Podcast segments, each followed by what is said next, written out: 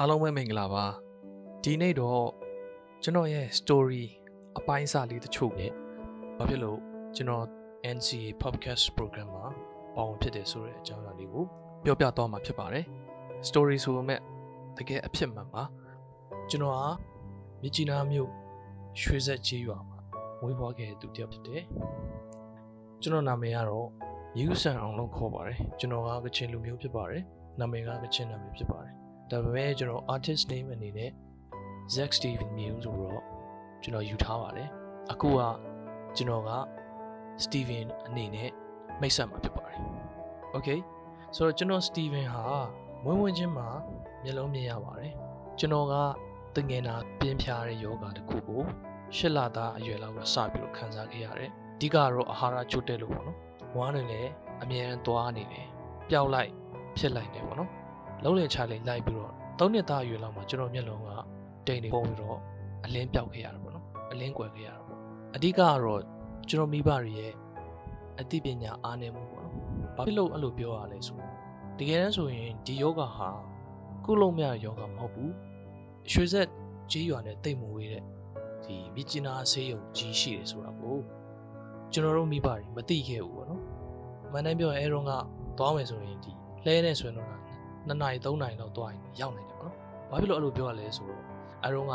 ကားတို့ဘာတို့ကရှိတယ်ဒါပေမဲ့အခုခေတ်မှာတော့မှကားစီးနိုင်တဲ့သူဆိုတာကတော်တော်လေးနည်းသေးတယ်။ချို့သဖြင့်ကျွန်တော်တို့လိုကြေးရွာတွေမှာကားစီးနိုင်တဲ့သူကမရှိဘူး။အဲ့ဒီတုန်းကစိုက်ကဲတို့ဘာတို့ကအဲ့လောက်ထိခင်မစားသေးဘူး။စပိန်တော့ရှိတယ်။စပိန်နဲ့သွားလဲဖြစ်တယ်။ဒါပေမဲ့သူတို့ကသွားအကောင်မှမသိခဲ့ဘူး။ရွာကဘိန်းတော်ဆရာကြီးနဲ့တတ်တလောက်မှတ်တလောက်နဲ့ ကုခဲ့တယ်။အဲ့ဒီမှာကျွန်တော်ကမပြောက်တဲ့အပြင်ပို့ဆိုးသွားတယ်။ကျွန်တော်မှတ်မိသေးတယ်၄၅နှစ်အရွယ်လောက်အထိကျွန်တော်ကတော်တော်လေးကိုပြေးလွှားဆော့စားနိုင်တယ်။ဘာလို့လို့ပြောရလဲဆိုတော့တငယ်ချင်းတွေနဲ့ပြေးတန်းလွှားတန်းတွေကျွန်တော်ဆော့ခဲ့တယ်။အဒီလိုပဲတငယ်ချင်းတွေစီကလည်းကူညီကျွန်တော်အများကြီးရခဲ့တယ်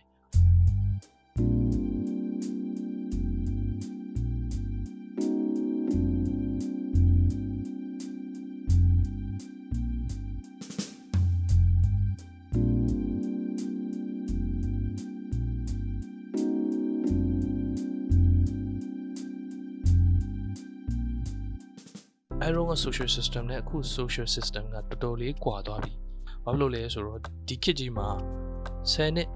မရောက်တဲ့အရွယ်ကစပြီးဖုန်းတွေစကင်နေကြတယ်ပေါ့နော်။အဲ့တော့ဘာဖြစ်သွားလဲဆိုတော့တယောက်နဲ့တယောက်ဒီတိတ်ပြီးတော့ဟိုပြောဆိုတဲ့အချိန်တိတ်မရှိတော့ဘူး။အာတူတူဆော့ကစားတဲ့အချိန်တိတ်မရှိတော့ဘူး။ရှိခဲ့ရင်တော့မှတရွာလုံးမှာဆော့တယ်ဆိုတဲ့ဟာမျိုးကအခုခေတ်မှာတော့မရှိတော့ဘူးเนาะอืม တချို့ကျေးလက် data တွေမှာတော့ရှိနေသေးတယ်ဒါပေမဲ့အများစုကတော့ social system တွေခုက change ဖြစ်လာပြီကျွန်တော်တို့အနီးနားမှာတွေ့နေရတဲ့ကလေးတွေကိုဘယ်လိုဖြစ်နေကြလဲဆိုတော့မိဘတွေသုံးနေတဲ့ဖုန်းကိုသုံးလေးနှစ်ကတည်းကသုံးနေကြတယ်ပေါ့နော်အာဒီလိုနဲ့အချင်းချင်းပြောဆိုအခေါ်ပြောတွေချင်းချင်းစူးစီးပြီးတော့ကစားတဲ့ဟာတွေနဲလာတယ်ပေါ့ကျွန်တော်တို့ကတော့အဲ့ဒါမျိုးတွေ အများကြီးရှိတယ်ကျွန်တော်တို့ကိုယ်တိုင်ကတကယ်ချင်းအိမ်မှာသွားအိတ်လိုက်သူတို့အိမ်မှာစားလိုက်ဒါကြီးလို့ပါနော်အဲနေ့ဆိုရင်လည်းတနေ့လုံးဆော့တယ်အဲ့လိုပေါ့ဟိုသွားတီသွားဆိုရင်လည်းစုပြီးတော့သွားကြတယ်အဲ့တော့ကတိတ်ပြီးတော့လဲမတိုးတက်သေးဘူးဆိုတော့လေပြောစရာလည်းကောင်းတယ်အထူးသဖြင့်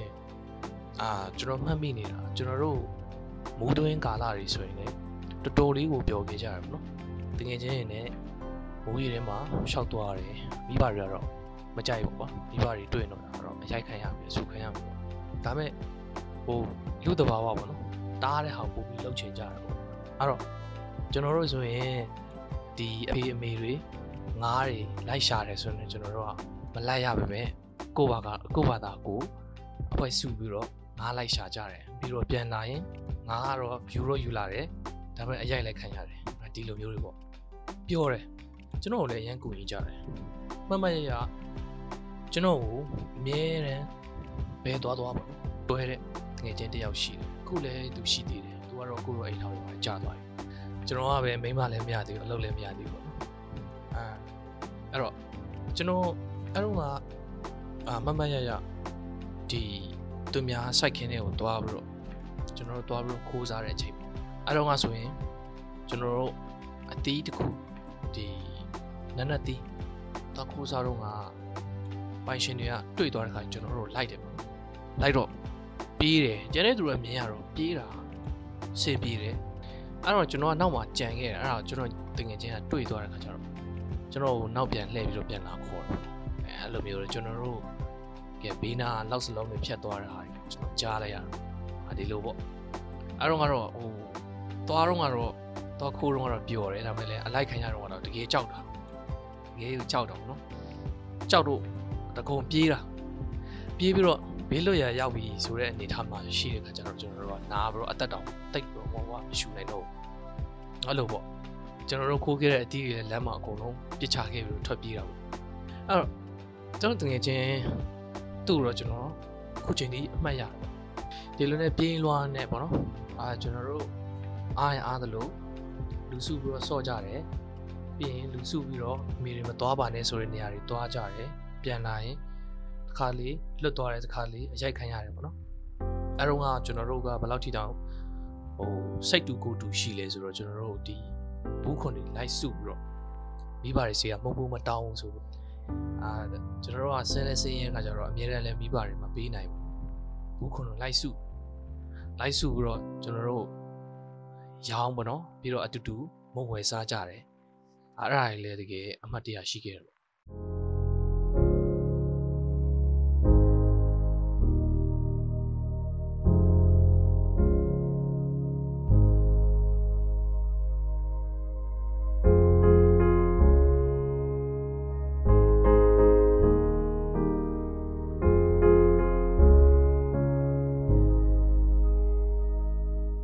ကျွန်တော်ခုနှစ်နှစ်ရှစ်နှစ်လောက်ကြာတော့ မျက်မြင်ကြောင်းရှိတယ်ဆိုတော့ကြားလိုက်ရတယ်ပေါ့နော်ဒါပေမဲ့အဖေမိတွေကကျွန်တော်တို့ကိုမလွတ်ချင်ဘူးနော်ငယ်သေးတယ်ပေါ့ဒါပေမဲ့သူတို့ကအဲ့လိုသာပြောတယ်သူတို့ကအိမ်မှာရှိတဲ့ချင်းကနဲတယ်သူကဟိုအလောက်ကိုင်းဒီကြလည်းမရှိတဲ့ခါကျတော့ဟိုသွားလိုက်ဒီသွားလိုက်ဟိုမှာအလုံးနဲ့ဖြစ်နိုင်နေဆိုရင်လည်းသွားတယ်ကျွန်တော်တို့ဘက်မှာဆိုရင်ဘာရှိလဲဆိုတော့ကြောက်မော်ရယ်ရွှေမော်ရယ်ပေါ့နော်ရှိတယ်ဒါချင်းပြနေဆိုတော့ရွှေထက်တယ်ကြောက်ထွက်တယ်ပေါ့နော်ကြောက်စိမ့်ထွက်တယ်အဲ့ဒီတော့ ရွှေမော်ပေါ့နော်အဓိကတော့ရွှေပေါ့ရွှေကိုသူတို့ခုနကမှရွှေနေနေထွက်တယ်ဆိုရင်သွားကြတယ်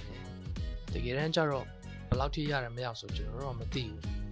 ပြန်လာရင်တော့သူတို့ပြန်လာရင်တော့ကျွန်တော်တို့ကမုံပုံနေနေရတယ်ပေါ့နော်ဟင်းကောင်းလေးနဲ့စားရတယ်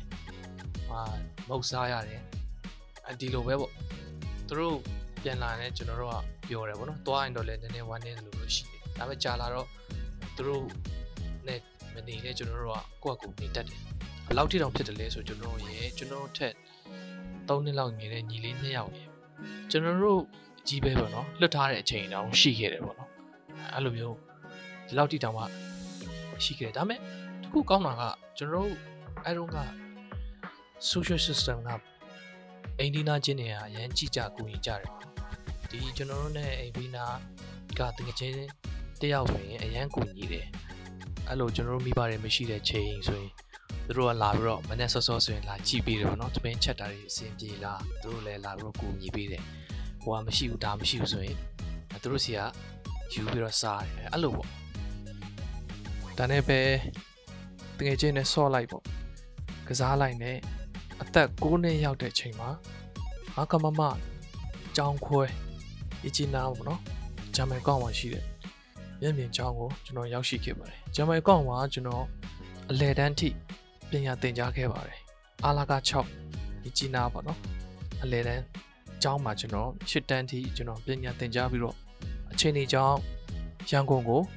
ကျွန်တော်တို့အထက်တန်းတက္ကသိုလ်ပညာစီဖို့ကိုအတွက်2023ခုနှစ်မှာမေလမှာကျွန်တော်ရောက်ရှိခဲ့ပါအခုဒါရက်ထားရတယ်ပေါ့နော်တက္ကသိုလ်ရက်ထားရတဲ့အနေအထားမှာရှိတယ်ရန်ကုန်ရောက်ရှိခဲ့တဲ့အတွက်ကျွန်တော်ဘဝရဲ့အချိုးအကွေ့အများကြီးဖြစ်ခဲ့တယ်လို့ဆိုလို့ရတယ် အဲတော့ကတော့ကျွန်တော်တို့ကမသိခဲ့ဘူးပေါ့နော်အမှန်တိုင်းပြောရင်ကျွန်တော်ဘဝရဲ့အစောပိုင်းကာလတွေဒီထက်တန်မရောက်ခင်အချိန်ထိဘာလုပ်လို့ဘာကန်ရမှန်းသိချာဆုံးဖြတ်ထားတာမရှိပါဘူးအမှန်တိုင်းပြောရင်ကြောင်းတက်ပြီးရင်ဘာဆက်လုပ်မယ်ဆိုတာလည်းမစဉ်းစားထားပါဘူးဘယ်လောက်ထိလဲဆိုတော့ကျွန်တော်တို့တခါကဒီ review assistant တခုကကချင်လို interview ရဲ့ချိန်မှာကျွန်တော်ဘာဖြစ်ချင်လဲလို့မေးတော့ ဘာဖြစ်ချင်မှမသိဘူးလို့ပြောလိုက်မိတဲ့အခြေအနေကြီးကျွန်တော်ဆိုးဝါးခဲ့ပါတယ်အဲ့ဒါကျွန်တော်ကြောက်တယ်မဟုတ်ဘူးဆိုတာကနောက်မှကျွန်တော်သိလာတယ်အခုချိန်သွားမင်းကြည့်ရင်တော်တော်များများကိုမင်းကြည့်လို့ရတယ်တော်တော်များများကဘာဖြစ်ချင်မှန်းမသိကြပါဘူးချို့တွေကတော့သိတယ်လို့လို့မသိတယ်လို့လို့လောက်ချင်တာတွေအများကြီးရှိနေရလဲတွေ့ရတယ်ပေါ့နော်အဲ့တော့ဒီကနေ့ကျွန်တော်ရဲ့ story ကိုပြောရင်းနဲ့ကျွန်တော်တို့မတန်ဆွမ်းတွေ ရဲ့ဘဝတစ်စိတ်တစ်စောင်းဖြတ်တန်းနေမှုအခြေအနေတချို့ကိုလည်းကျွန်တော်ဆွေးနွေးသွားခြင်းပါတယ်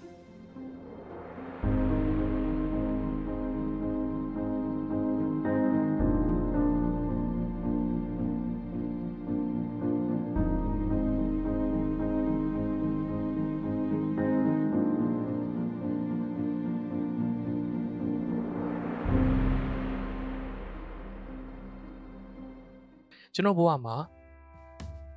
10တန်းကိုနှစ်ခါဖြည့်တယ်။ဘာဖြစ်လို့လဲဆိုတော့ပထမနှစ်တုန်းကကျွန်တော်အင်မတန်မှစာလောက်တာအားနေတယ်ပြည့်ရခဲ့တဲ့အတွက်ကျွန်တော်ကြံခဲ့တယ်။ကျွန်တော်ကြံခဲ့တယ်အဲ့ချိန်မှာ10တန်းပြန်တက်တဲ့နှစ်မှာသူများတွေကအေးဆေးနေတဲ့ချိန်မှာကိုရီးယားစာကိုအသေးတန်ပြန်ကြက်နေရတော့ပြန်တွေးတွေးပြီးတော့စိတ်ထဲမှာကျွန်တော်မဖြစ်မနေအောင်ရမယ်ဆိုပြီးတော့ လောက်ပါတယ်ကျွန်တော်အဲ့နှစ်မှာတော်တော်ကြိုးစားပါတယ်အစွန်းဆောင်ထိကြိုးစားတာမဟုတ်တော့မှကျွန်တော်တော်တော်လေးအားထည့်လို့ပြောလို့ရပါတယ်အဲ့တော့အတိုင်းတာတစ်ခုထိကျွန်တော်အဆင်ပြေပြေနဲ့ဖြေနိုင်တယ်အောင်စင်းထွက်တဲ့ချိန်မှာကျွန်တော်နာမည်ပါတယ်ကျွန်တော်တမိုင်းကုံတူးနဲ့အောင်ခဲ့တယ်တင်ချာအမှတ်မှာမထမတ်ထားရလောက်အောင်အားလုံးထက်ပိုများနေခဲ့တယ်ကျွန်တော်တင်ချာက58မှတ်ရခဲ့ပါတယ်ဒါတော့တယုံ မျက်မြင်တွေမရတဲ့အမှတ်ပါတော်တော်များများကြည့်တင်ချာတဲ့အင်္ဂလိပ်ဟာမျက်မြင်တဲ့အတွက်အမှတ်40ဝန်းကျင်ပဲရှိပါတယ်တော်တော်များများပြောတာပါချွန်းချက်တော့ရှိပါတယ်အဲ့တော့ကျွန်တော် story ကိုဆက်ရမယ်ဆိုရင်ကျွန်တော်ဆယ်တန်းအောင်ပြီးတော့ကျွန်တော်ဘဝမှာစပြီးတော့ပတ်စံဆိုတဲ့အရာနဲ့လည်းဖောဖောတီတီထိတွေ့ခဲ့ရတယ်။ဘာလို့ဒီလိုပြောရလဲဆိုတော့ကျွန်တော်ကအရန်ဆင်းရဲတဲ့မိသားစုကိုပေါက်ဖွာခဲ့တဲ့သူ ခုချိန်ထိလည်းအရန်ချမ်းသာတဲ့သူမဟုတ်ဘူး။ဆင်းရဲနေတော့မဲ့လို့ပဲကိုကထင်တယ်။ဒါပေမဲ့အရင်တော့တခါမှမထိတွေ့ဘူးတဲ့ပတ်စံအမောက်တွေကျွန်တော်ကင်တွယ်ခွင့်ရတယ်။ရန်နဲ့ထူးခြားတယ်။ကျွန်တော်ရဲ့ဘာသာကျွန်တော်ရဲ့ယုံကြည်ချက်အရာဆိုရင်ဒါကကောင်းကြီးအများကြီးခံစားခဲ့ရတဲ့နှစ်လို့ပြောလို့ရတယ်။ဘာဖြစ်လို့လဲဆိုတော့ကျွန်တော်အောင်တဲ့နှစ်မှာပဲဂျင်းမီနိုင်က နှစ်တိုင်းနှစ်တိုင်းသူတို့เจ้าမှာတော့နှစ်တိုင်းနှစ်တိုင်းဆယ်တန်းအောင်တဲ့သူတွေကိုစုချင်းမြင့်တယ်။ဒါပေမဲ့အရင်တော့မခေါ်ဘူးပေါ့နော်။ကျွန်တော်အောင်တဲ့နှစ်မှာခေါ်တဲ့ခါဆင်မကြီးကစတော့ထင်တယ်သူကရိုးရိုးလေးပဲထင်တယ်ပေါ့နော်။အဲ့တော့ဂုံတူးပါတဲ့ကျွန်တော်ကိုလွတ်လိုက်တယ်။ဟိုရောက်တော့သူတို့ကရိုးရိုးအောင်တဲ့သူတွေကိုပတ်စံ6သိန်းပေးပါတယ်ဂုံတူးတပါတာဆိုရင်သူကဒေါ်လာ200ပေးပါတယ် အဲ့တော့ကျွန်တော်ဘဝမှာ6သိန်းဆိုတာကြီးတခါမှမကြိုက်ဘူးပေါ့ကျွန်တော်အများဆုံး3သိန်း3သိန်းခွဲအဲ့လောက်ပဲကြိုက်ဘူးပါတယ်အဲ့တော့ကျွန်တော်ကြားလိုက်တော့ကတိတ်တော့မယုံချင်ဘူးအပတ်စံအားလုံးကျွန်တော်ရကုန်ရပါမလားဆိုတော့ဘာဖြစ်လို့လဲဆိုတော့ဒါကတော်တော်များများကကျွန်တော်အဖွဲ့အစည်းမှာနေတဲ့ချိန်မှာပတ်စံအမောက်နဲ့အများများရင်ဆရာဆရာမတွေကတိတ်လိုက်တဲ့အနေအထားမှာရှိတယ်။ ဒါပေမဲ့ကျွန်တော်ဆုံးဖြတ်လိုက်တယ်ကျွန်တော်ရအောင်ယူမယ်။ကျွန်တော်လိုက်ပေးတဲ့ဆရာကလည်းကျွန်တော်နဲ့အဆင်ပြေတဲ့ဆရာမဟုတ်လို့အရန်အဆင်ပြေသွားတယ်ပေါ့နော်။ကျွန်တော်အပတ်စံနဲ့အားလုံးရတယ်။စွတ်စွတ်ပေါင်းမယ်ဆိုရင်ကျွန်တော်၈သိန်းလောက်ရတယ်ပေါ့။အဲ့တော့ကျွန်တော်လိုတဲ့ဖုန်းတွေဝယ်လို့ရတယ်။ကျွန်တော်အရန်သုံးချင်တယ်ပေါ့နော်ဖုန်းအဲတော့ကရှိတော့ရှိတယ်ဒါပေမဲ့အရင်နိုင်တယ်ပေါ့နော်ဖုန်းအဲ့တော့ကျွန်တော်ဖုန်းခက်ကောင်းကောင်းလေးတစ်ခုဝယ်လိုက်တယ် အာပတ်စံများများဆက်ဆက်မကင်ဘူးလေဆိုတော့ဘယ်လောက်တိတာလဲဆိုတော့အဖို့စားကျွန်တော်တသိန်းဖို့တစ်ခါလေးဝယ်လိုက်တယ်ပေါ့နော်တကယ်တမ်းကျတော့အဖို့စားဆိုတာ short ဈေးနဲ့အဲ့လိုပေါ့နော်ဘယ်လိုပြောမလဲဈေးတအား short short လို့ကောင်းတဲ့အရာလို့သူများတွေပြောကြတယ်ကျွန်တော်တို့ကမ short တတ်ဘူးပေါ့နော် short လည်းမ short ရဲဘူးဟိုဘက်ကတစ်ချက်တင်းလိုက်ပြီကျွန်တော်တို့ကထပ်မလျှော့နိုင်တော့ဝယ်လိုက်တာများတယ်ပေါ့နော်အဲ့လိုပဲကျွန်တော်တောင်းလိုက်စားလိုက်နေပေါ့တအားကြီးပြောတော့ပေါ့လေ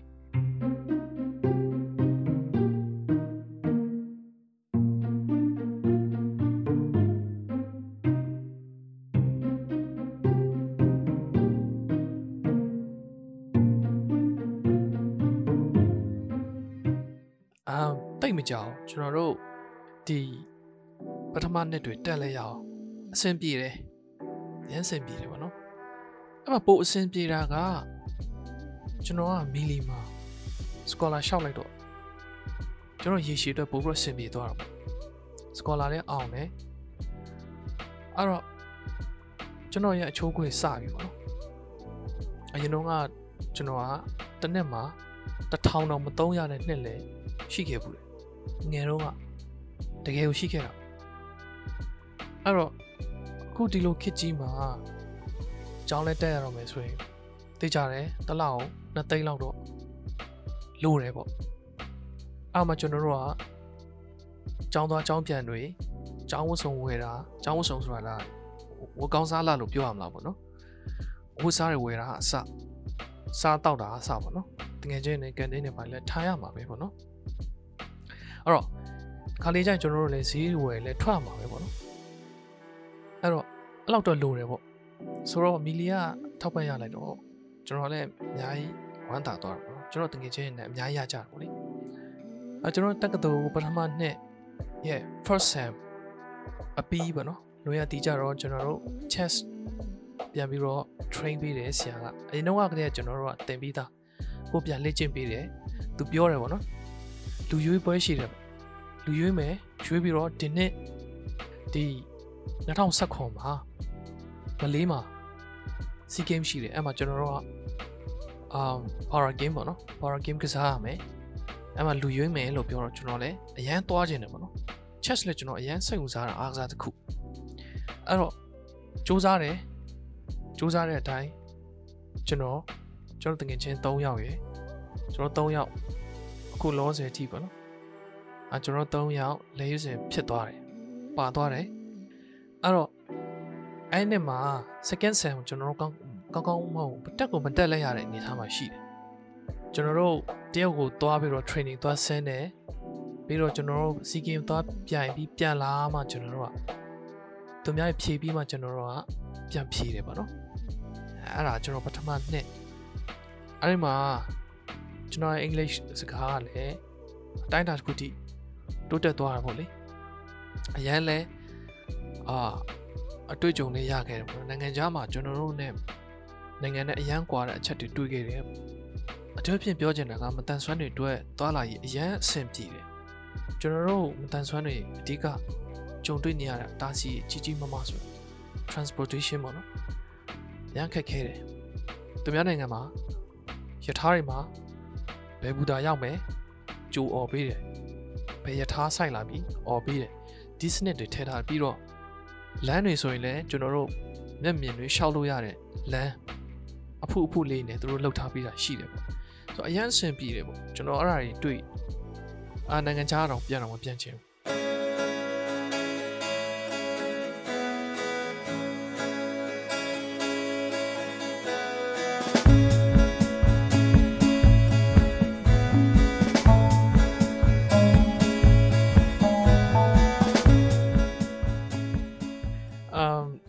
တော့ကျွန်တော်ဒီပထမနှစ်ဖြည့်ပြီးတော့ဒုတိယနှစ်ပြန်စတယ်ဒုတိယနှစ်စတော့အာနည်းနည်းလေးတကယ်ချင်းကလည်းနည်းနည်းလေးဟိုဖြစ်လာပြီနည်းနည်းတိရလဲကျွမ်းတာနည်းနည်းများလာပြီပေါ့နော်စတာသူတို့ပြောတယ်ဒီနှစ်တော့စူးစမ်းကြ honest ဝင်လို့ရတဲ့နှစ်ဟုတ်တယ်လို့ပြောတယ်အမှန်တမ်းပြန်ကျွန်တော်မလို့ချင်ပါဘူးအဲ့လောက်လည်းကျွန်တော်မလို့ပေါ့နော်ဆိုတော့ဒါမဲ့ကျွန်တော်အားထည့်ပြီးနည်းနည်းလေးအားထည့်ပြီးလုပ်တယ်ပေါ့အာနည်းနည်းအားထည့်ပြီးလောက်တော့ အာကျွန်တော်ဒီ၃ဘာသာမှာကျွန်တော်အမှတ်80ကျော်နိုင်နိုင်ခဲ့တယ်ပေါ့ကျန်တဲ့ဘာသာတွေကဒီ80အဲဒီဝင်းကျင်ဖြစ်ပေါ့နော်80တို့65တို့ကျန်တဲ့ဘာသာကတော့အောင်ယုံလေးပေါ့အဲ့ဒါလေးဒါပေမဲ့ဒီ၃ဘာသာကတော့ကြတော့ကျွန်တော်က80ကျော်အောင်ဖြေနိုင်ခဲ့တဲ့အတွက်ဆရာမကကျွန်တော် first sem ပြီးတော့ပြောတယ်ဆက်ပြီးတော့စူးစမ်းပါတော့ဒီတစ်ခါလဲ သုံးပါသား80ကျော်အောင်ဖြစ်မယ်ဆိုတော့ understand ဝင်မယ်လို့ပြောတယ်ကျွန်တော်ကလည်းအော်ဝင်တော့ဝင်ပြီဆိုဆိုတော့အာဆက်ပြီးတော့ဗောနော်စူးစမ်းမယ်ဆိုတော့စူးစမ်းတယ်တကယ်လည်း understand ရခဲ့တယ်ဗောနော်တတိယနှစ်ကျော်အာကျွန်တော်တို့ဒီ2018မှာအိမ်တို့ပွဲတစ်ပွဲတွားလိုက်သေးတယ် chess ပွဲဗောနော်တွားလိုက်တော့အဲ့မှာလည်းကျွန်တော်တို့အနေနဲ့အောင်မြင်မှုရခဲ့တယ်ဗောနော်မလေးတော့ကတော့ကျွန်တော်တတိယပဲရတယ်အဲ့မှာတော့ကျွန်တော်တို့ ဒုတိယဆုအထိကျွန်တော်ငွေတစ်စိတ်ထိရနိုင်တဲ့အတိုင်းအတာကြီးပေါ့နော်ရှိခဲ့တယ်ဆိုတော့ကျွန်တော်တို့ကအားရတာပေါ့လေကိုယ့်ကိုယ်အားဟုတ်ပြီငါတို့လက်တွေတက်လာပြီဆိုတော့အဲ့ဘာလို့ဆိုကျွန်တော်တို့၃ယောက်ကလူငယ်ပေါ့နော်လူငယ်၃ယောက်တိတ်မကွာကြဘူးတနေ့စီလောက်ပဲကွာကြတယ်ရှေ့ကလည်းအများကြီးပွဲတွေအများကြီးထိုးမှာပေါ့ဆရာတော်ပြောလိုက်သေးတယ်ပေါ့နော်အာအခုမလေးပွဲပြီးပြီအခုဒီဖိလစ်ပင်းပွဲအတွက်လူရွေးအောင်မလားဆိုရွေးရမှာပေါ့အာဘယ်လိုပဲဖြစ်ဖြစ်ပေါ့နော် ပြောချင်တာကအဲ့လိုဘာလို့မေးရလဲဆိုကျွန်တော်တို့၃ယောက်ကတောက်လျှောက်လုံနေတာပေါ့တောက်လျှောက်ဆိုမှတကယ်အဲ့ဒီမလေးပွဲပေါ့နော်ပြန်လာပြီးကျွန်တော်တို့ကအာ second sem ဖြည့်ပြီးဖြည့်ပြီးရတဲ့ကျွန်တော်တို့ကတိတ်မကြောင် camp ပြန်ဝင်လိုက်ရတာပေါ့နော် camp ပြန်ဝင်ပြီးတော့ကျွန်တော်တို့ကဒီတောက်လျှောက်အိမ်တူပွဲတဲ့ပြင်ဆင်နေရဆိုကျွန်တော်တို့နဲ့ကဒီ chess ကပြတ်မသွားဘူးပေါ့နော်ဆိုတော့အရင်တော့ထိုက်ဆိုင်လဲအရင်ကောင်းလာလို့ကိုယ်ခံစားရအဲ့လိုမေးလိုက်တယ်။ तू ကဘာဖြစ်ဖြစ်ဒူပြန်ရွေးရမယ်ဆိုကျွန်တော်တို့ရွေးတယ်။ပြန်ရွေးတော့လေကျွန်တော်တို့အရင်တော့ပြန်ခဲ့တဲ့သူတွေအားလုံးပြန်ဝင်ပြိုင်တယ်ပေါ့နော်။မပြိုင်တော့ဘူးလို့ပြောတဲ့သူလည်းပြန်ပြိုင်တာပဲ။အဲ့မှာတော့လဲကျွန်တော်တို့အရင်တော့3ယောက်ပဲလက်ရွေးစင်ပြန်ဖြစ်တယ်ပေါ့နော်။အဲ့မှာတော့ကျွန်တော်ပထမအဆင့်အနေနဲ့လက်ရွေးစင်ဝင်တယ်ပေါ့။ပြီးတော့ဒါ2019ဖိလစ်ပင်းပွဲအဲ့တော့ကျွန်တော်တို့အကြည့်ကျပြင်ဆင်တယ်လုံးဝ ရေးရေးလဲလဲကိုကျွန်တော်တို့ပြင်ဆင်တာအားရပါရပွဲတွေဆိုလဲရနိုင်လောက်လိုက်ထိုးတယ်ပေါ့နော်အဲတပွဲလားမသိဘူးကျွန်တော်ပွဲကြီးနော်တပွဲလားထိုးဘူးတယ်ဒီရိုးရိုးပွဲဒီနာဒီဘိုးကုန်းကပွဲတွေလဲကျွန်တော်တို့တပွဲလားမသိဘူးဝင်ထိုးဘူးတယ်ရသလောက်ပေါ့ကျွန်တော်တို့အတွေ့အကြုံတွေလိုက်ယူတယ်အဲ့လိုပဲဆရာကျွန်တော်တို့အတွက်ဆိုပြီးတော့တီးတန့်တခြားလူငယ်တွေလည်းတကယ်ဒီဒိတ်ဒိတ်ကျဲလုံးဝလူငယ်မှာ ranking အမြင့်ဆုံးလူတွေနဲ့ကျွန်တော်တို့ ਨੇ ခေါ်ပြီးတော့ပွဲတည်ပြီးတယ်ပေါ့ဆိုတော့ကျွန်တော်တို့အဲ့မှာလဲရလက်တော်တော်ကောင်းခဲ့တယ်လို့ပြောလို့ရတယ်ပေါ့နော်ရလက်တော်တော်ကောင်းခဲ့တယ်အရန်လဲပျော်နေတယ်ပေါ့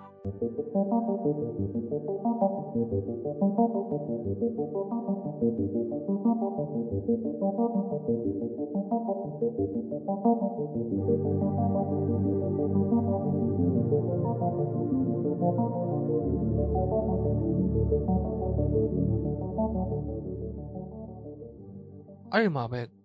ကိုရိုနာကြီးရဝင်ချလာတော့ဝင်ချလာတော့အစီအစဉ်နဲ့ကမကမတွေဖြစ်ဟိုရွှေ့ဒီရွှေ့ဟိုရွှေ့ဒီရွှေ့နဲ့နောက်ကြတော့မေလာကိုရွှေ့ပလိုက်တယ်အဲ့မှာ March လမှာ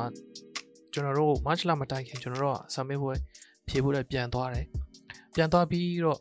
March လဒီ23လားမသိဘူး23လား24လားအဲ့ဒီမှာတက္ကသိုလ်အားလုံးပိတ်ပလိုက်ရောအဲ့ဒီမကောင်း lockdown မှာချပလိုက်ရော အမှသွားပြီ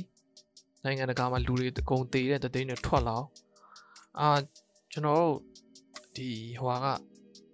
အစမပြေတော့ပွဲရထက်ရွှေ့ကြတယ်ရွှေ့ရင်ရွှေ့ရင်လည်းနောက်ကြတော့ဒီ August လောက်မှာလာမသိဘူးတကဘာလုံးအရန်ဆိုးသွားတယ်ပေါ့နော်ဆိုးသွားတော့ဘာမှတည်င်းမကြတော့အဲ့နဲ့2020ဒီတိုင်းပဲပေါ့နော်21ဒီတိုင်းပဲအခု22သူတို့ အာဖိလစ်ပင်းကမလောက်တော့ဘူးလေအိန္ဒိုမှာလောက်နေကြတာပေါ့ဒါတော့ကျွန်တော်တို့မသွားတော့ဒါတော့ကျွန်တော်ရဲ့ရွေးချယ်မှုတစ်ခုပေါ့နော်မသွားဖို့အတွက်ဆုံးဖြတ်လိုက်တယ်အဲ့တော့ဒီကြားထဲမှာ changes တွေအများကြီးရှိသေးတယ်အာ covid တွေဖြစ်တော့အဲအကြောင်းတွေပိတ်လိုက်တော့ဆံမွေးမဖြေရတော့နည်းနည်းလေးတော့တမျိုးကြီးပေါ့နော်ပြောသလိုမပြောသလိုလို့ပေါ့အဲ့လိုမျိုးဖြစ်တာပေါ့လေအဲ့တော့ဆံမျိုးပွဲကြီး နှစ်ပါးသာကြံခဲ့တယ်မဖြေလိုက်ရအောင်အာနောက်နေ့ကစပြီးဟိုအကြောင်းတွေကဘယ်လောက်ထိပိတ်မယ်ဆိုတော့မသိသေးတော့သူများတွေကပြောတာပေါ့လေစာတွေမဖြောက်လိုက်ကြနဲ့ကျွန်တော်တို့ကလည်း၄၅လထိတော့ထိမ့်သိမ့်ထားပါတယ်ဒါပေမဲ့နောက်ပိုင်းတော့ဘယ်ရောက်သွားမှမသိတော့ကျွန်တော်လည်းပြစ်ပလိုက်တယ်ပေါ့နော်ဘာလို့လဲဆိုတော့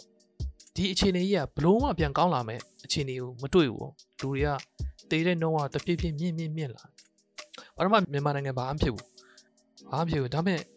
ဘယ်တော့ဒီမိုးတွင်းမှာလားမိုးတွင်းပိုင်းမှာလားဒီຫນွေအကူ sorry ຫນွေအကုံမှာလားမသိဘူးနိုင်ငံခြားက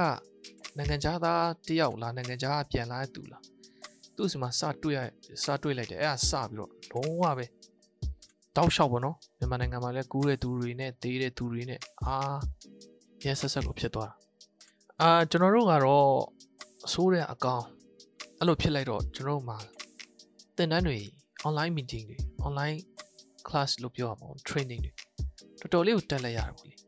မမအတာကပြီးတဲ့ leadership training တွေလည်းတက်လိုက်ရတယ်အပြီးရင်အဲ့ဟိုဆွေးနွေးပွဲတချို့လည်းကျွန်တော်တို့နားထောင်လိုက်ရတယ်အဲ့တော့အဲ့လိုတွေတက်လိုက်ရတော့အာဘူးတူတက်လိုက်ရတယ်ဖုန်းပေးရလည်းရတယ်ပေါ့နော်ဘာလို့လဲဆိုတော့ဒီချိန်မှာကျွန်တော်တို့ internet ပဲမသုံးရင်တခြားအလုပ်ဆရာသိမ့်မရှိဘူးအဲ့လိုပဲတခြားဒီထပ်ပြောရမယ်ဆိုတော့ဒီ audio training လည်းတခုကျွန်တော်တို့ LTV ကလုပ်တဲ့ဟာကျွန်တော်တက်လိုက်ရတယ်အဲ့တော့ဘာဖြစ်လဲဆိုတော့ကျွန်တော် internet နဲ့ပို့ပြီးရင်းနှီးလာတယ်ပြီးတော့ internet ဘိုင်းဆိုင်ရာမှာကျွန်တော်တို့ကပို့ပြီးတော့ဟိုအသားကျလာတယ်လို့ပြောလို့ရတယ်အာဒီ YouTuber တင်တန်းကိုကျွန်တော်တို့တက်လိုက်ရတယ်အဲ့မှာကျွန်တော်တို့အနေနဲ့ blind တွေအနေနဲ့လှုပ်လို့ရတာ YouTuber ရှိတယ်ဆိုတော့သိလိုက်ရတယ်ပေါ့နော်ဆိုတော့ တခြားတခြားသော platform တွေမှာလည်းလှုပ်လို့ရနိုင်တယ်ဒါပေမဲ့အဓိက training ရထားတာ YouTube ပေါ့နော်အဲ့တော့ဘာဖြစ်ဖြစ်အရင်တော့ကဆိုရင်အဲ့ဒီဟာမသိတော့ကဆိုရင်ဘာလို့လို့လုပ်ရမယ်မသိဘူးပေါ့နော်ဒီတိုင်းပဲတရက်ပြီးတရက်ကုံသွားမှာဟိုအချိန်မရရအောင်ဖြုံးနေတယ်လို့ပါလို့ပေါ့နော်ဆိုတော့အခုဆိုရင်တင်တိုင်းလည်းတက်နေရတယ်အခုဆိုရင်လှုပ်ရှားလည်းတကယ်ဆိုရှိတယ်ကိုသာလှုပ်နိုင်တယ် မပြင်းဘူးဆိုရင်အခုဆိုရင်လှုပ်ရှားလည်းရှိတယ်ပေါ့နော်ဆိုတော့အာကျွန်တော်ဘဝရဲ့ story က loss ရကတော့ဒီလောက်ပဲပေါ့နော် loss ရအခြေအနေကတော့ကျွန်တော်ကဒီ YouTube ဘက်ကိုလောက်ဖို့အတွက်ကျွန်တော်စူးစမ်းနေတယ်အဒီလိုပဲတခြားကတော့ကျွန်တော်ဒီအလုပ်တွေများတန်ဆွမ်းတွေအတွက်တစ်ခုခုများရမလားဆိုပြီးတော့နားဆွင့်နေတဲ့ဟာလေးတော့ရှိတယ်ပေါ့နော်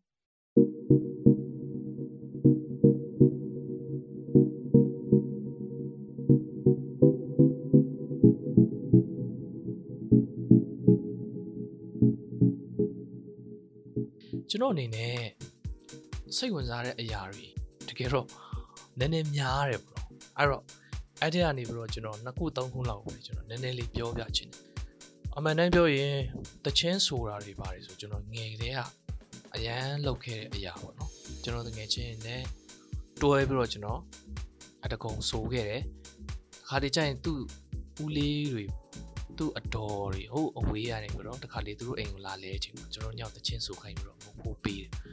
ပြောစရာကောင်းတယ်ပေါ့နော်အဲ့တော့ကတော့ဆိုတာပေါ့ဒီတိုင်းတကုံအော်ပြီးတော့ဆိုတာပေါ့နော်တချင်းစာသားတွေလည်းမှားတယ်ပေါ့ဒါပေမဲ့သူတို့ကကျွန်တော်ဆိုတာလေးကိုကြည့်ပြီးတော့သူတို့သဘောကျပြီးတော့မဖိုးတွေပါတယ်ပေးကြတယ်ပေါ့အဲကျောင်းကိုရောက်တော့သူများတွေဆိုတော့နားထောင်နားထောင်ပြီးတော့ပေါ့နော်ဩငါဘာမှမဟုတ်သေးပါလားဆိုတာမျိုးသိလာတယ်ပေါ့နော်ဘာလို့ဆိုတော့ကျွန်တော်တို့မျက်မြင်ကျောင်းက ဒီအဆိုပိုင်းနဲ့ပတ်သက်ပြီးတော့ကျိုးဖြစ်ကျွန်တော်ဒီမခမမကအရန်အာဘယ်လိုပြောမလဲအဆင်ပြေတယ်အခွင့်အရေးတွေအများကြီးရှိတယ်အခွင့်အရေးအများကြီးရှိဆိုဒီလိုပြောချင်တယ်ပေါ့အပတ်တိုင်းမှာဖះเจ้าအစီအစဉ်ရှိတယ်အဲ့ဒီမှာတချင်းတွေပါဆိုရင်းနဲ့အရင်တော့ကကီးမတဲ့တဲ့သူတွေတောင်ကြာလာတော့ကီးတွေတဲ့ပြီးတော့အရန်နေကောင်းသွားတယ်အများကြီးပဲဆိုတော့အများနဲ့လိတ်ကျင့်ပေးတဲ့ပုံစံမျိုးမှာရှိတယ်ပေါ့အဲ့ဒီသဘောတရားမျိုးတက်ရောက်သွားတယ်ဒါပေမဲ့ကျွန်တော် အရုံးကရှက်လို့ကျွန်တော်တစ်ခါမှတချင်းမဆိုဘူးအဲ့လောက်လည်းမဆိုတတ်ဘူးပေါ့နော်အဲသူများရင်လည်းပြန်ရှင်းလိုက်တော့တိတ်လည်းမဆိုတတ်တော့ကျွန်တော်မဆိုခဲ့ဘူးအခုနောက်ပိုင်းကျမှနည်းနည်းလေးဟိုဘယ်လိုပြောမလဲနည်းနည်းလေးဟိုဆိုတာနားထောင်လို့နည်းနည်းလေးကိုယ့်ကိုယ်ပေါ့နော်ဟိုနားထောင်ကြည့်တော့မဆိုးပါဘူးလေးဆိုမှပဲဟိုစူရဲတာပေါ့ဒီလိုဆိုတော့ကျွန်တော်စိတ်ဝင်စားတဲ့အထက်မှာဒီဒီအနုပညာလို့ပြောရမယ်ဒီ music ပါတယ်ကျွန်တော်ဟာ တချင်းကိုဆိုတာကျွန်တော်ဝါသနာပါပါတယ်အာရေးလဲရေးတယ်ပေါ့ရေးတာလဲကျွန်တော်ဟိုဟာလောက်ရှိတယ်၄၅6ပုတ်ပေါ့ဒီအဲ့လောက်ထိတော့ရေးထားတာတော့ရှိတယ်တီးတာတွေရောတော့ကျွန်တော်အဲ့လောက်ထိမရအောင်ဒါကိုဆိုကိုတီးပေါ့နော်ဒီလောက်ပဲအရန်ကြီးကျွမ်းကျင်တဲ့အထက်မှာကျွန်တော်မပါအောင်ဒါပေမဲ့ကျွန်တော်စိတ်ဝင်စားတယ်အာအမှန်တမ်းပြောရင်ကျွန်တော်ဒီတခြားတခြားသောဒီရုပ်ရှင်တို့စာပေပိုင်းမှာဆိုရင်လေ ဒီစာအုပ်စာပေတွေဒီဝတ္ထုတွေလည်းကျွန်တော်ကြိုက်ပါတယ်အဲ့ဒါကြီးခံစားရတယ်သဘောကျတယ်ဗောနော်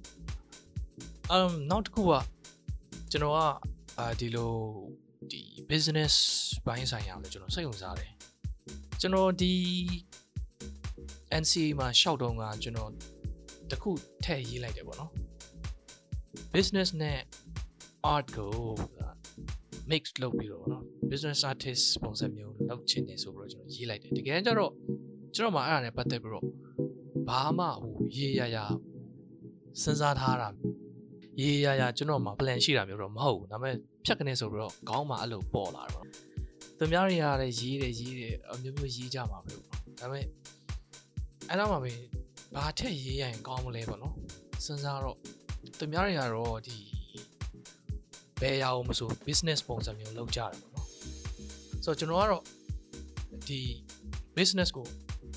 art ပုံစံမျိုးပေါ့နော်ဒီအနုပညာပုံစံမျိုးပြန်လုပ်ရင်ကောင်းမလားဆိုတဲ့ပုံစံမျိုးကိုကျွန်တော်တွေးမိတယ်ပေါ့နော်ဆိုတော့အဲ့အဲ့အဲ့ဒီအကြောင်းမလို့ပါကျွန်တော်ခေါင်းထဲမှာလက်ကနေဖြစ်လာတဲ့အခါအဲ့ဒီ idea တစ်ခုတွေပဲအမှန်တမ်းပြောအခုချိန်ထိလည်းကျွန်တော်ကအဲ့အဲ့ဒါရဲ့ဘယ်လိုပြောမလဲဖွင့်ဆိုချက်တို့ဘာလို့လဲကျွန်တော်အတိအကျကျဘာမှမသိသေးပါဘူးအများကြီးလဲကျွန်တော်မှအဲ့အတွက်ဟို plan လည်းမရှိသေးပါဘူးဒါကျွန်တော်မှအဲ့လိုမျိုး idea အပိုင်းစားလေးတစ်ခုခေါင်းထဲမှာပေါ်လာတာလေးကိုကျွန်တော်ချရေးလိုက်တာပေါ့နော်ဒီသဘောပါပဲအဲ့တော့ကျွန်တော်ဒီ business ပိုင်းဆိုင်ရာလည်းကျွန်တော်စိတ်ဝင်စားတယ်ပြီးတော့ဒီအာပြောရဆိုရတာပေါ့နော်စကားပြောရလည်းကျွန်တော်သဘောကျတဲ့အထက်မှာပါတယ်ပေါ့လေအဲ့လိုပြောရမှာအဲ့တော့နောက်တစ်ခုကကျတော့ sport sport ကလည်းကျွန်တော်စိတ်ဝင်စားတယ်အာကျွန်တော်ပြောခဲ့လို့ပေါ့နော်ကျွန်တော်စိတ်ဝင်စားတာအများများတယ် sport ကလည်းအာဒီ football ကျွန်တော်ကြိုက်တယ် chess ကျွန်တော်ကြိုက်တယ်တခြားအရာတွေလည်းကျွန်တော်ကြိုက်တယ်ဗျ swim ပေါ့နော်ဒီရေကူးတဲ့ဟာလည်းကျွန်တော်ကြိုက်တယ်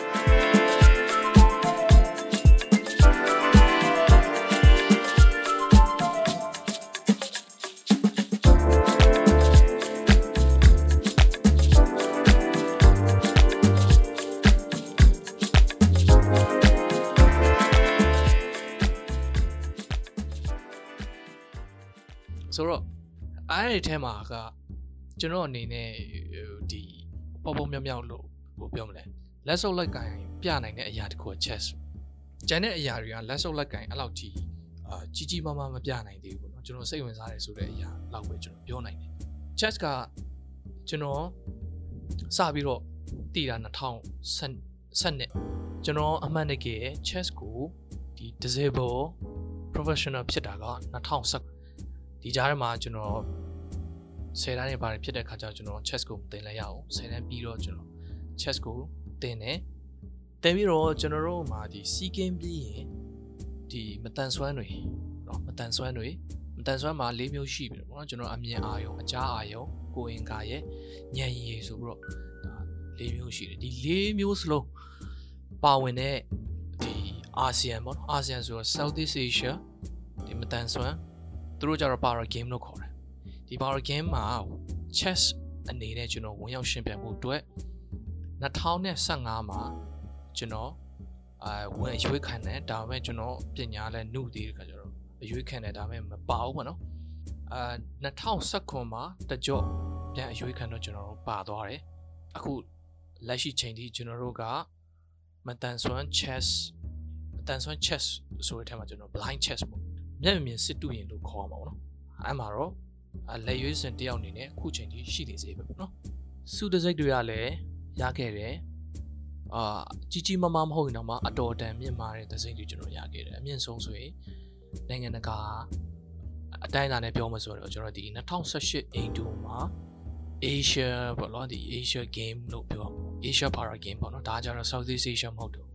Asia ဖြစ်သွားပြီအဲ့မှာကျွန်တော်တို့အဖွဲလိုက်နေနေပေါ့နော်ငွေတစ်စိတ်ကျွန်တော်တို့ရတယ်ပေါ့နော် အဲအဲ့လောက်ထိတော့ဒါမြင့်မာတဲ့အောင်မြင်မှုမှာတော့ရခဲ့မှုလေဒီပြည်တွင်း quarry ကတော့ဒီကျွန်တော်တို့အထင်ထင်ရှားရှားလောက်လောက်လာလာပြောရမယ်ဆိုတော့ဒီတက္ကသိုလ်ပေါင်းစုံပေါ့နော်တက္ကသိုလ်ပေါင်းစုံပြိုင်ပွဲမှာကျွန်တော်တို့2019 18ဒီဒီနှစ်နှစ်ဝင်ပြိုင်တဲ့ချိန်မှာ2019မှာတော့ကျွန်တော်တို့အာအဲ့လောက်ထိဟောမဖြစ်ခဲ့ဘူးပေါ့နော်မပေါင်းရောက်ခဲ့ဘူး ဒီ2018 2019ပညာသင်တဲ့လို့ပဲပြောရမှာပေါ့အဲ့ဒီမှာတော့ကျွန်တော်တို့အဖွဲ့လိုက်ဒုတိယပေါ့နော်တက္ကသိုလ်မြန်မာနိုင်ငံမှာရှိတဲ့ chess အားကစားကိုဝင်ရောက်ရှင်ပြိုင်နိုင်တဲ့တက္ကသိုလ်အားလုံးပေါ့နော်အားလုံးဒီဝင်ရောက်ရှင်ပြိုင်ကစားတဲ့အချိန်မှာကျွန်တော်တို့ကအနောက်ပိုင်းတက္ကသိုလ်ကိုစားပြုပြီးတော့ငွေတစ်စိတ်ကျွန်တော်ရခဲ့တယ်ပေါ့ဒါပြည်တွင်းမှာကျွန်တော်တို့အနေနဲ့မြင့်မြင့်မှာ အောင်မြင်ခဲ့တဲ့အရာပေါ့ chess နဲ့ပတ်သက်ပြီးတော့တခြားအနေနဲ့ပတ်သက်ပြီးတော့ကျွန်တော်ကအလိုအောင်မြင်မှုတွေကျွန်တော်မရှိဘူးဒီတချင်းအပိုင်းနဲ့ပတ်သက်ပြီးတော့ပြောရမယ်ဆိုရင်တိတ်ပြီးတော့ကျွန်တော်မှပြောစရာမရှိဘူးဘာဖြစ်လို့လဲဆိုတော့ကျွန်တော်အနေနဲ့အဲ့ဒီဟာတွေကိုစိတ်ဝင်စားတာပဲရှိတယ်စနစ်တကျ chess လို့တေချာကျွန်တော်အနေနဲ့ဟိုစီးပူးပြီးတော့လေ့လာပြီးတော့လုံနိုင်တဲ့အနေအထားမျိုးမှာကျွန်တော်မရှိသေးတဲ့ခါကျတော့ ဒါမှကျွန်တော်ဘာမှလောက်လောက်လာလာကျွန်တော်ပြောပြနိုင်တာမျိုးပေါ့နော်မှတ်တိုင်တစုံတရာကျွန်တော်မှမရှိသေးဘူးဒါကကျွန်တော်စူးစမ်းစေပေါ့နော်လှုပ်စေအနေထားမှာပဲရှိတယ်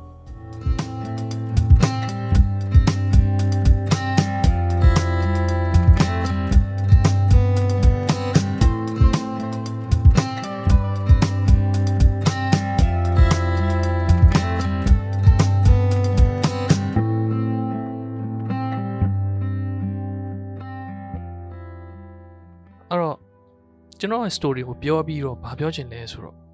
ကျွန်တော်တို့ဒီပေါင်းချင်မှရှိတဲ့တငယ်ချင်းတွေတချို့တွေဆိုရင်ခုနကျွန်တော်ပြောလို့ဘာလို့လို့ဟိုလောက်ချင်မှမသိဘူးအဲ့ဒါအခုမှမဟုတ်ဘူးပေါ့နော်အရင်ကတည်းကဒီပုံစံအတိုင်းဖြစ်ခဲ့အံ့ဩစရာတော့ကောင်းတယ်ပေါ့လေအဲကျွန်တော်လဲကိုယ့်ကိုအံ့ဩခဲ့တယ်ပေါ့အရင်တော့ဘာလို့ဒါကြီးမတွေးခဲ့ရလဲပေါ့နော်အမှန်တိုင်းပြောရင်တေချာပြန်စဉ်းစားမယ်ဆိုရင်တော့လေကျွန်တော်တို့မှမျှော်လင့်ချက် မရှိတာခက်တာပေါ့နော်အခုကကိုယ့်အကူရှာကြံပြီးတော့မျောလင်းချက်ထားနေရတယ်ပေါ့အမြင်တွေမှာတန်ဆွမ်းတဲ့သူတွေမှာဘွဲရပြီးပြီဆိုရင်တေချာတစ်ခုတော့အလုပ်တစ်ခုခုတော့ရအောင်ရှောက်လို့ရတယ်ကျွန်တော်တို့မှမရအောင်ဥပဒေထွက်ပြီးလို့သာပြောတယ်ပေါ့ဘာမှလည်း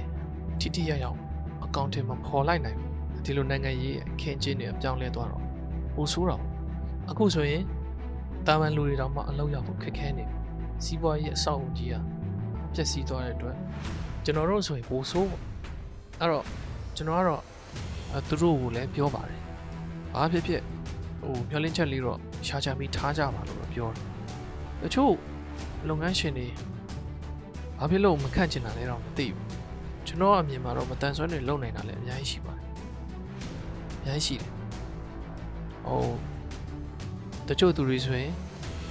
မျက်လုံးနဲ့လက်နဲ့အသုံးပြုပြီးတော့ လှုပ်လို့ရတဲ့အလုပ်တွေလုပ်နိုင်တယ်။အဲတချို့သူတွေဆိုရင်အုံနောက်ကိုသုံးပြီးတော့လှုပ်ရတဲ့အလုပ်တွေလည်းလုပ်နိုင်တယ်။ကျွန်တော်တို့မျက်မြင်မြင်နေဆိုရင်လည်းပဲအုံနောက်နဲ့လှုပ်ရမယ့်အလုပ်တွေအာဒီတွက်ချက်ရမှာလားပေါ့နော်။ဒါမှမဟုတ်ရင်စီမံရမှာလားလုပ်နိုင်တယ်။အဲဒီလိုပဲကျွန်တော်တို့ဒီအခြားခြားသောကိုယ်ကားတွေဆိုရင်လည်းပဲ သူတို့မှာဆိုကျွန်တော်တို့ chance တော့ပိုများသေးတယ်သူတို့မှာမျက်လုံးနဲ့မြင်ရတဲ့အတွက်လက်လက်ရှိတဲ့အတွက်ပြဿနာမရှိဘူးရတယ်ပေါ့နော်အဲ့တော့အကျွန်တော်ကတော့ကျွန်တော် story နဲ့ရှင်းပြီးတော့ပေါ့နော်ကျန်တဲ့သူတွေလည်းပြောချင်တာကအခုနလိုပေါ့ကျွန်တော်တို့အရန်ဆိုးရွားနေပြီလို့ထင်တဲ့အခြေအနေမှာလည်းပဲတစ်ခါတည်းကြာရင်ခွင့်ရည်ပေါ်လာတတ်တယ်အဲ့တော့စိတ်တက်တော့မကြစေချင်ဘူးเนาะ ခွင့်ရည်တွေကိုနားဆွင့်ထားစေချင်တယ်ပေါ်လာရင်လည်းတက်နိုင်တယ်မြပေါ့မိမိမိမိရရလေးစကားရတော့လုံးလို့မိမိရရလေးစုပ်ကင်စေချင်တယ်ပေါ့လောလောဆယ်အတုံးချလို့ရချင်မှရအောင်ဒါပေမဲ့တစ်ချိန်ချိန်ကြာရင်တော့ကိုယ့်ကိုအထောက်ကိုပြုတ်မယ်လို့ကျွန်တော်မြင်နေပေါ့နော်ခုချိန်မှာဇင်းကိုင်တန်တန်တို့ဘာလို့လဲတက်လို့ရတယ် HR တွေလည်းတက်လို့ရတယ်နောက်ပိုင်း company တွေမှာဒီ HR တွေအများကြီးထည့်လာတော့ကျွန်တော်တွေ့ရတယ် ဆိုတော့အဲ့ဒါလည်းတက်လို့ရတယ်လေ့လာလို့ရတယ်ဟာတခြားခြားသောဝါသနာပါတဲ့သူတွေအမှုပညာဝါသနာပါတဲ့သူတွေလည်းအခုချိန်မှာဆိုအတီးတွေပေါ့နော်ဆိုတော့လေ့လာလို့ရတယ်ဒီချိန်မှာအလုပ်ရနိုင်တာခက်ခဲတယ်ဒါပေမဲ့ဟိုကိုယ်စမှာဖြည့်လို့ရတာလေရတော့ဖြည့်ထားပြီးတော့အခွင့်အရေးကြီးပေါ်လာပြီဆိုတာနဲ့လုံးဝတခါတည်းဆုတ်ကင်လိုက်ရအောင်မိမိရရအရေးကိုကျွန်တော်တို့တွေ ဆုတ်ကင်လိုက်ရအောင်ဒီလိုအားပေးချင်ပါတယ်ဒါကျွန်တော် story လေးပြောရင်းနဲ့ကျွန်တော်နည်းနည်းလေးပေါ့နော်အားပေးလိုက်ပါတယ်လို့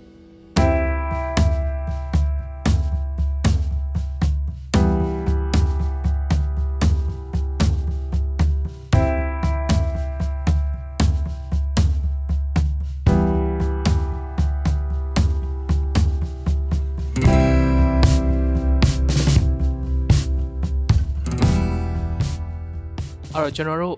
ဒီ NCA podcast program မှာဘာလို့ပါဝင်ဖြစ်တာလဲဆိုတော့ကျွန်တော်က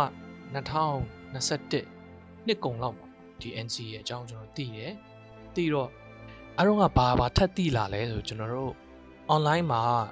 ကျွန်တော်တို့မတန်ဆွမ်းနေနေနဲ့အထူးသဖြင့်ကျွန်တော်တို့အမြင်အာရုံမတန်ဆွမ်းသူတွေနေနဲ့လုံနိုင်တဲ့အရာတွေရှိလေဆိုတော့ကျွန်တော်သိခဲ့ရတယ်ပေါ့နော်ဟောအဲ့ဒီမှာစပြီးတော့ကျွန်တော်စိတ်ဝင်စားတယ်စိတ်ဝင်စားပြီးတော့ကျွန်တော်ချိတ်ဆက်ပြီးတော့ ရှောက်တယ်ပေါ့နော်ရှောက်ပြီးတော့ကျွန်တော်ဒီထဲကိုကျွန်တော် program လေးကိုဒီဝင်ရောက်ခဲ့တယ်ပေါ့နော်ဟုတ်ဆိုရင်ကျွန်တော် internship နော်ပုံစံနဲ့ကျွန်တော်အခုအာပညာတွေကျွန်တော်လေ့လာနေရပြီအဓိကကတော့ကျွန်တော်အနေနဲ့အလုံးမရှိတာလေအကြောင်းရင်းတွေကဒီဒီအဓိကအကြောင်းရင်းတွေတစ်ခုပြီးတော့နောက်တစ်ခုကကြတော့ဒီ NCA မှာရနိုင်မဲ့အရာတွေရနိုင်မဲ့အရာတွေဆိုတာဒီလိုပညာတွေပေါ့နော် သင်ပေးမဲ့အရာတွေကိုကျွန်တော်ကလည်းစိတ်ဝင်စားတယ်တာမန်အနေအထားမျိုးမှာကျွန်တော်တို့သင်တန်းတွေကိုပတ်တက်မယ်ဆိုရင်ဒါတော်တော်လေးဝေကုန်ကြီးကြများမယ်ပေါ့နော်ပြီးတော့လည်းရှားပါမဲ့သင်တန်းတွေပါတဲ့ခါကျတော့ကျွန်တော်အနေနဲ့စိတ်ဝင်စားပြီးတော့ join နေပေါ့နော်ပြီးတော့ကျွန်တော်ကိုယ်တိုင်ကလည်းတခုခုအော်ဒီ NCA ကတခုခုဖြစ်လာလို့ကျွန်တော်ယုံကြည်တယ်ပေါ့နော်နောက်ပိုင်းကျရင် company အနေနဲ့လည်းဖြစ်လာ နိုင်တယ်လို့လေကျွန်တော်အဲ့လိုလေကျွန်တော်ယုံကြည်တယ်ပေါ့နော်အဲ့ဒါကြောင့်မလို့ကျွန်တော်ကဒီ NCA နဲ့ကျွန်တော်ကအာ join ချင်းဖြစ်တယ်ပေါ့နော်အဲ့တော့ကျွန်တော်အနေနဲ့လောဆယ်အထိကတော့ NCA က